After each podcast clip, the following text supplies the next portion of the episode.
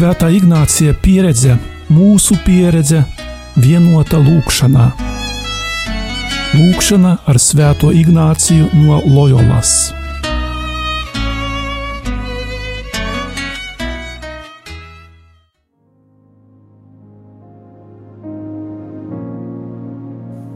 Dārgie radio Marija klausītāji, iesākot jaunu kunga gadu un paliekot Kristus dzimšanas svētku noskaņās, Ignāciskās meditācijas pusstundā aicināsim lūgties pārdomājot vārdus no Lūkas evaņģēlīja.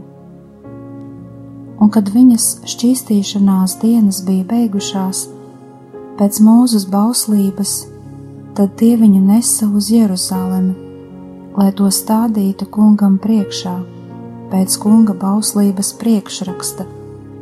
Katrs vīriešu kārtas pirmdzimtais, lai ir dievam svētīts, un lai nestu upuri pēc dieva bauslības priekšraksta. Vienu pāri ūbeļu vai divus jaunus baložus, un redzi, kāds cilvēks bija Jeruzalemē vārdā Simeons.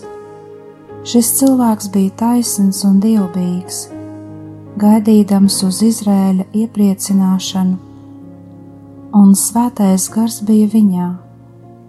Viņam svētais gars bija pasludinājis, ka tas nāvi neredzēšot, iekams nebūšot redzējis kunga svaidīto. Tas svētā gara skubināts nāca templī kad vecāki Jēzus bērnu ienesa, lai izpildītu pie viņa bauslības parašu, tad to uz savām rokām ņēmis, viņš dievu teica un sacīja: Kungs, lai nu tavs kalps aiziet mierā, kā tu esi sacījis, jo manas acis ir redzējušas tavu pestīšanu, ko tu esi sataisījis visiem ļaudīm gaismu apgaismot pagānus un par slavu saviem Izrēļa ļaudīm, un Jāzeps un viņa māte brīnījās par to, ko viņš runāja, un Simeons tos svētīja un sacīja Marijai viņa mātei: Redzi, viņš ir likts par krišanu un augšām celšanos daudz ļaudīm Izrēlā un par zīmi, kam runā pretī. Un tev pašai caur dvēseli zobens spiedīsies, lai daudz sirža domas nāktu zināmas. Un tur bija praviete Anna Fanuela meita. No Ašera cilts tā bija ļoti veca, un pēc savām meitas dienām viņa bija dzīvojusi septiņus gadus ar savu vīru un tā bija atraitne ap 84 gadiem. Tā nešķīrās no tempļa, bet kalpoja dievam dienām un naktīm, ar gavēšanu un lūkšanu. Tā arī tajā pašā stundā piegāja un slavēja kungu, par to runādama uz visiem, kas Jeruzalemē gaidīja uz pestīšanu.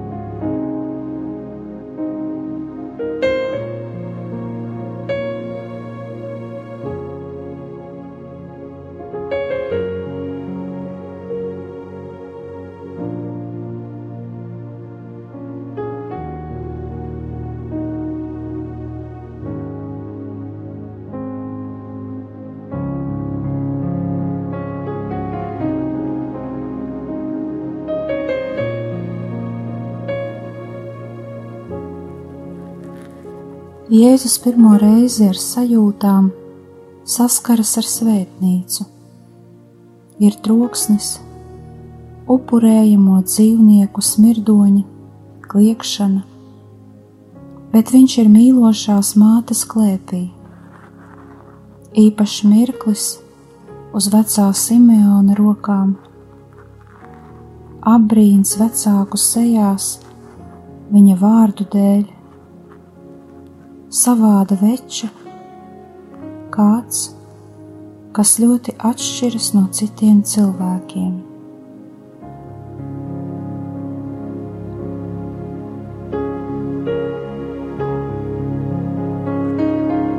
Jēzus upurēšana svētnīcā saistās ar mūzus likumu, pēc kura ik viens vīriešu dzimtas mazulis 40 dienas pēc dzimšanas tiek atnests uz Jeruzalemes svētnīcu un prezentēts kungam.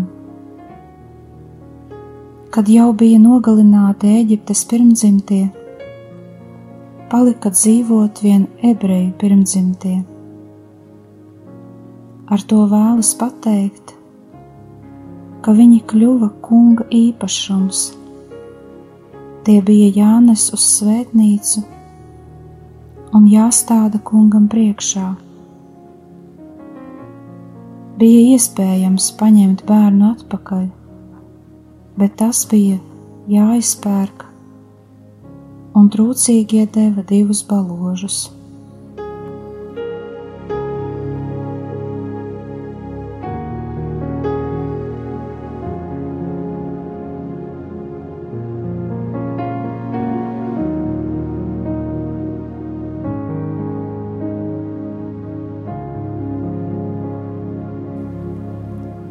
Vispirms vērs savu skatienu uz Jēzu Viņš ir 40 dienu vecs sīdainis.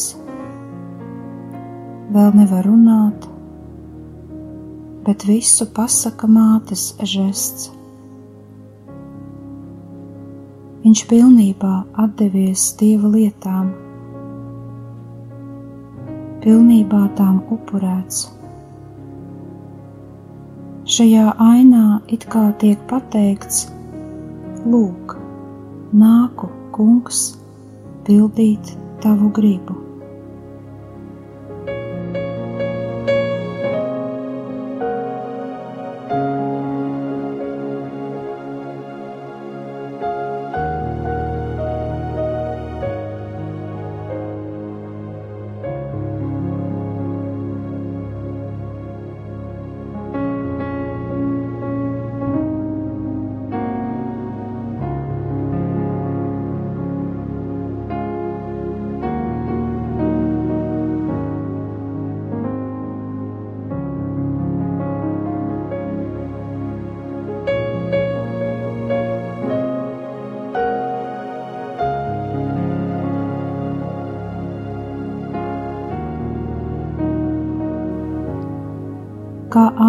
Nepaklausība atnesa pasaulē ļaunumu, nāvi.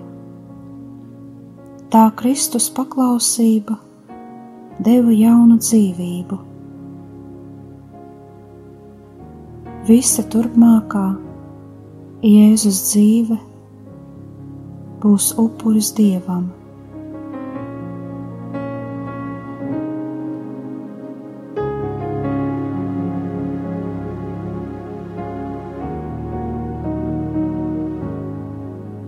Palūkojies tagad uz Jēzus māti, kura sadzird Simeona vārdus par sāpēm,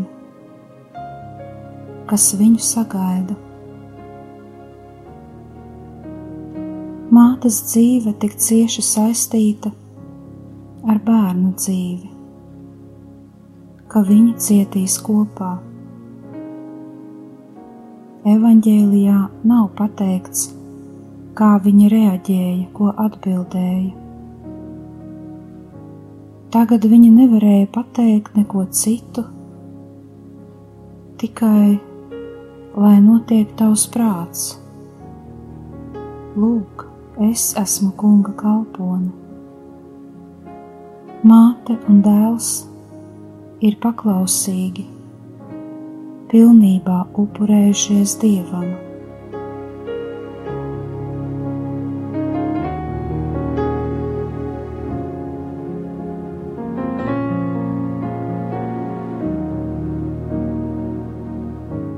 Jeruzalemes svētnīca ir upurēšanas vieta.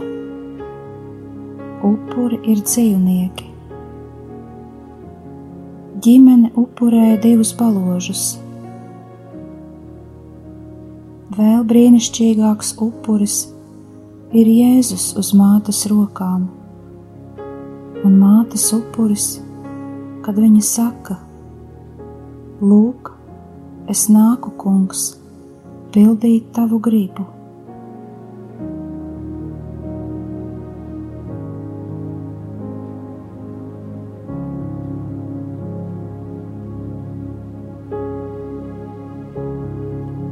Kāds var būt šīs kontemplācijas auglis vai žēlastība?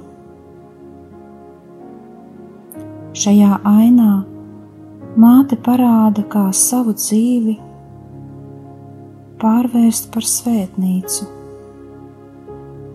Ir jālūdz, lai visa dzīve taptu par svētnīcu, vai cieņa pret Dievu, pildot viņa gribu. Tā ir īpaši svarīga tēma - rādīt cieņu Dievam, paklausot viņa gribai.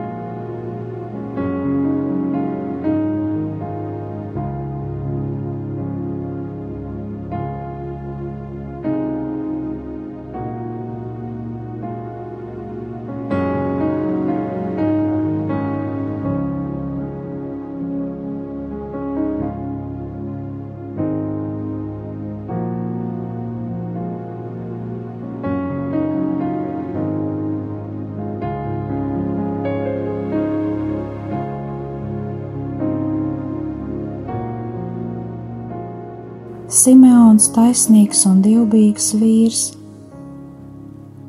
kas svētajā garā gaidīja mierinājumu Izrēlam.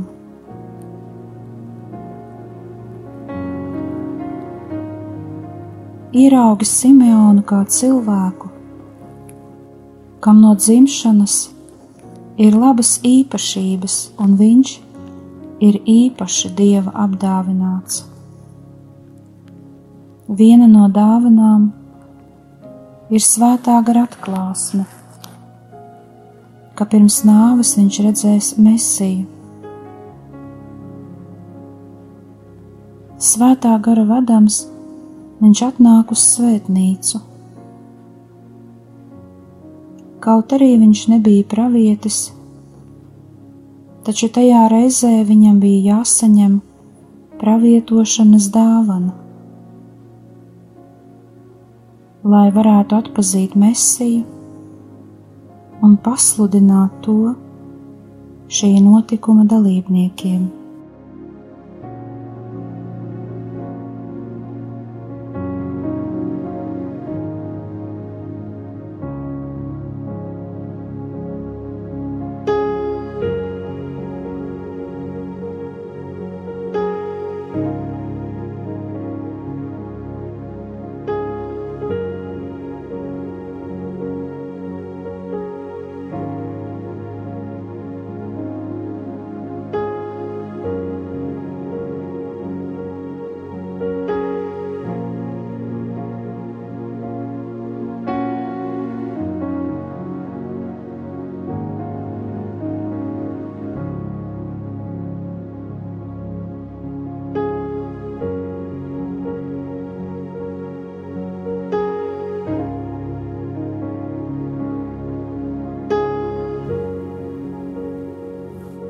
Tagad skaties un redzi, kā viņš sagaida svēto ģimeni pie ieejas. Tā tad vēl pirms Marijas šķīstīšanās rita, par ko nekas nav rakstīts, jo evaņģēlīja autoram tas nav svarīgi. Ieraugi, kā no paša sākuma Jēzum apkārt pulcējas nabagi. Tie ir ne tikai Marija un Jāzeps, bet arī Simeons, Anna. Tie visi ir veltījušies svētajam garam, tāpēc zina, ka kas ir šis mazulis kura varenība slēpjas sīkumā. Evanģēlijā nav teikts, ka Simeons bija priesteris, tad visdrīzāk viņš bija laicīgs cilvēks.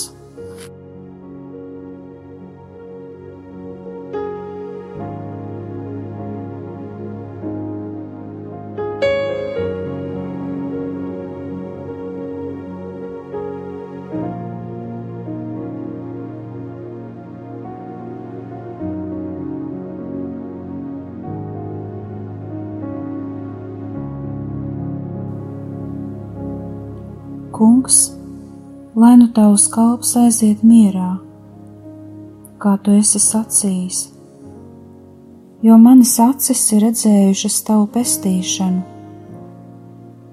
ko tu esi sataisījis visiem ļaudīm, gaismu apgaismot pagānus un par slavu saviem Izraēļa ļaudīm.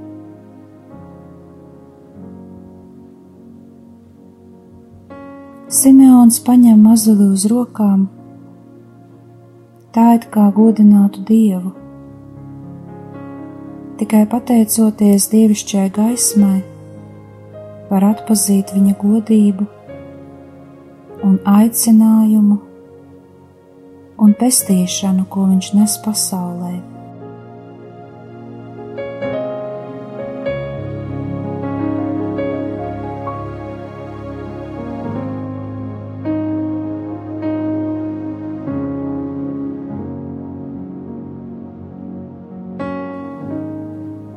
Pirmkārt, pateicība. Pēc vecās derības piemēra dzīve tiek pieņemta kā kalpošana dievam. Reizē tā ir arī atvadu dziesma, pēc tam, kad bija apmierinātas visdziļākās ilgas, proti, mesijas atnākšana mierpilna aiziešana, kas rodas no paļāvības Dieva varenībai, kā arī viņa gādībai. Dievs tiek saukts par valdnieku. Tas ir raksturīgi arī vēlīnajam jūdeismam, kas nozīmē dieva valdīšanu. Simeona himnā tiek pasvītrota Jēzus dzimšanas nozīme.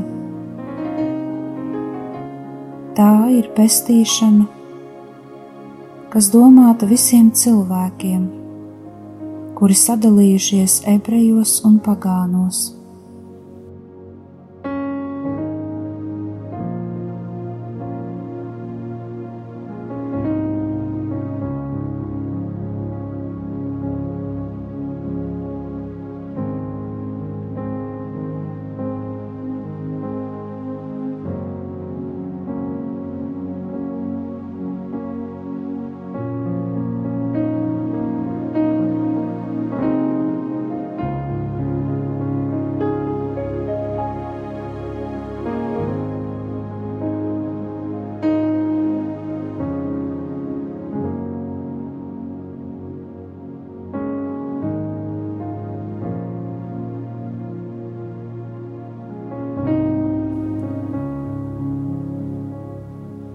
Un Simeons tos svētīja un sacīja Marijai, viņa mātei: Redzi, viņš ir likts par krišanu un augšām celšanos daudz ļaudīm Izrēlā, un par zīmi, kam runā pretī, un tev pašai caur dvēseli zobens spiedīsies, lai daudz siržu domas nāktu zināmas.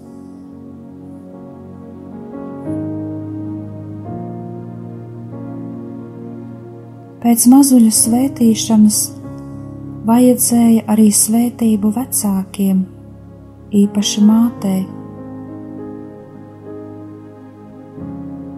Tiek runāts par to, kas notiks Izrēlā, par nemieriem, kādus izcels Kristus. Vieni viņu atzīs, citi atmetīs, un tas nolems viņa likteni. Viņa uzskats parādīs, vai viņi tic mesijam vai nē. Mātes sāpes tāpat būs saistītas ar pretestību no tautas daļas attiecībā par dēlu. Zobena tēls norādīja neierastu mocekļa nāvi, bet nemitīgas ciešanas, ne tikai mokas stāvot pie krusta, bet visas dzīves laikā. Kad viņa taps par Izrēla atmešanas liecinieci atklātās Jēzus darbības laikā bez šaubām ciešanu augstākais punkts būs Jēzus ciešanas un nāve.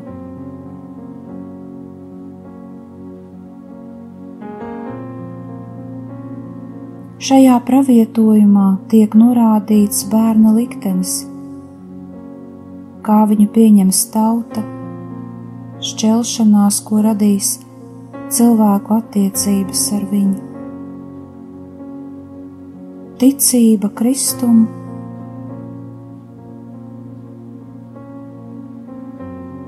Šeit atklāja,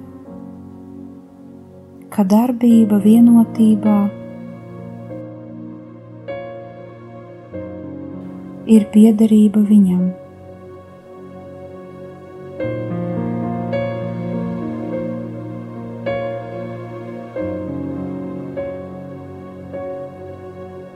Noslēgumā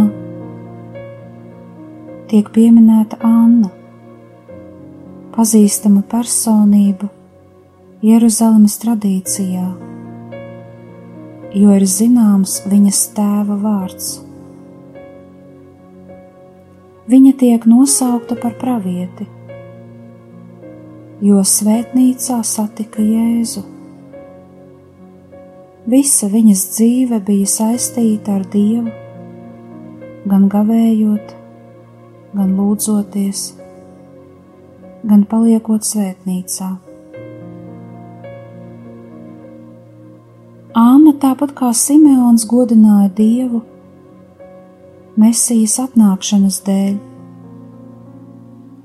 un stāstīja cilvēkiem par šo notikumu. Tieši tāpat, kā to darīja Gani piedzimstot bērnam.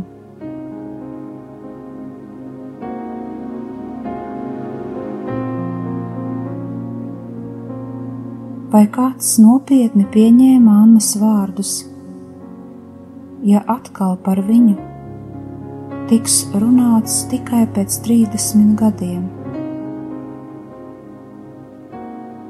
Varam jautāt sev, Vai man ir harizma runāt par lieliem dieva darbiem, kā tas bija Simeonam un Annai?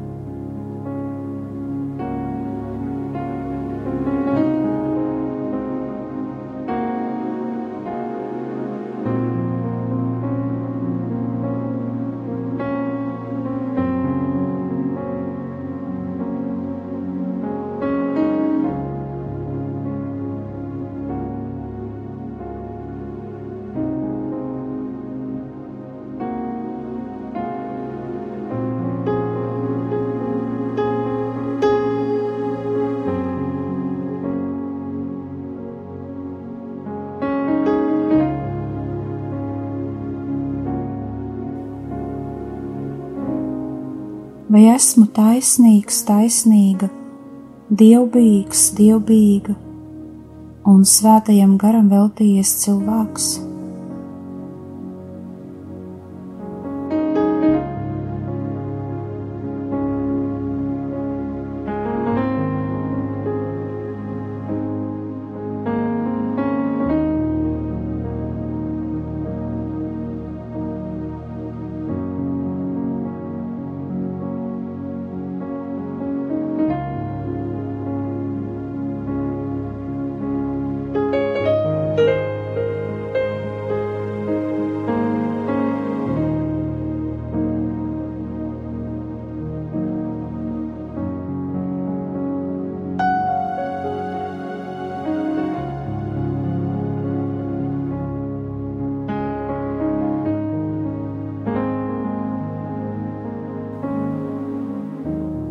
Kādas ir manas dziļākās vēlmes? Vai es gribu redzēt Mēsiju, Jēzu?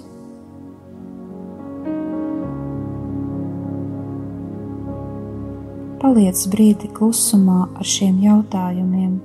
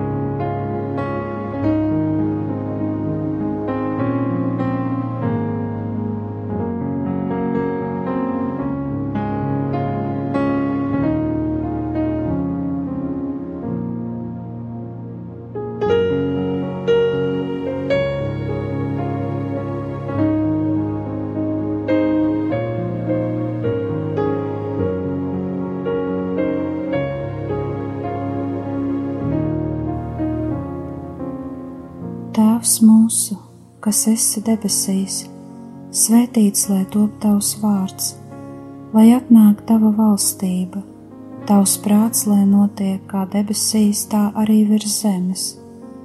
Mūsu dienascho maizi dod mums šodien, un piedod mums mūsu parādus, kā arī mēs piedodam saviem parādniekiem, un neieved mūsu kārdināšanā bet atpestī mūs no ļauna Āmen. Kopā ar jums bija Euharistiskā Jēzus kongregācijas māsa Brigita.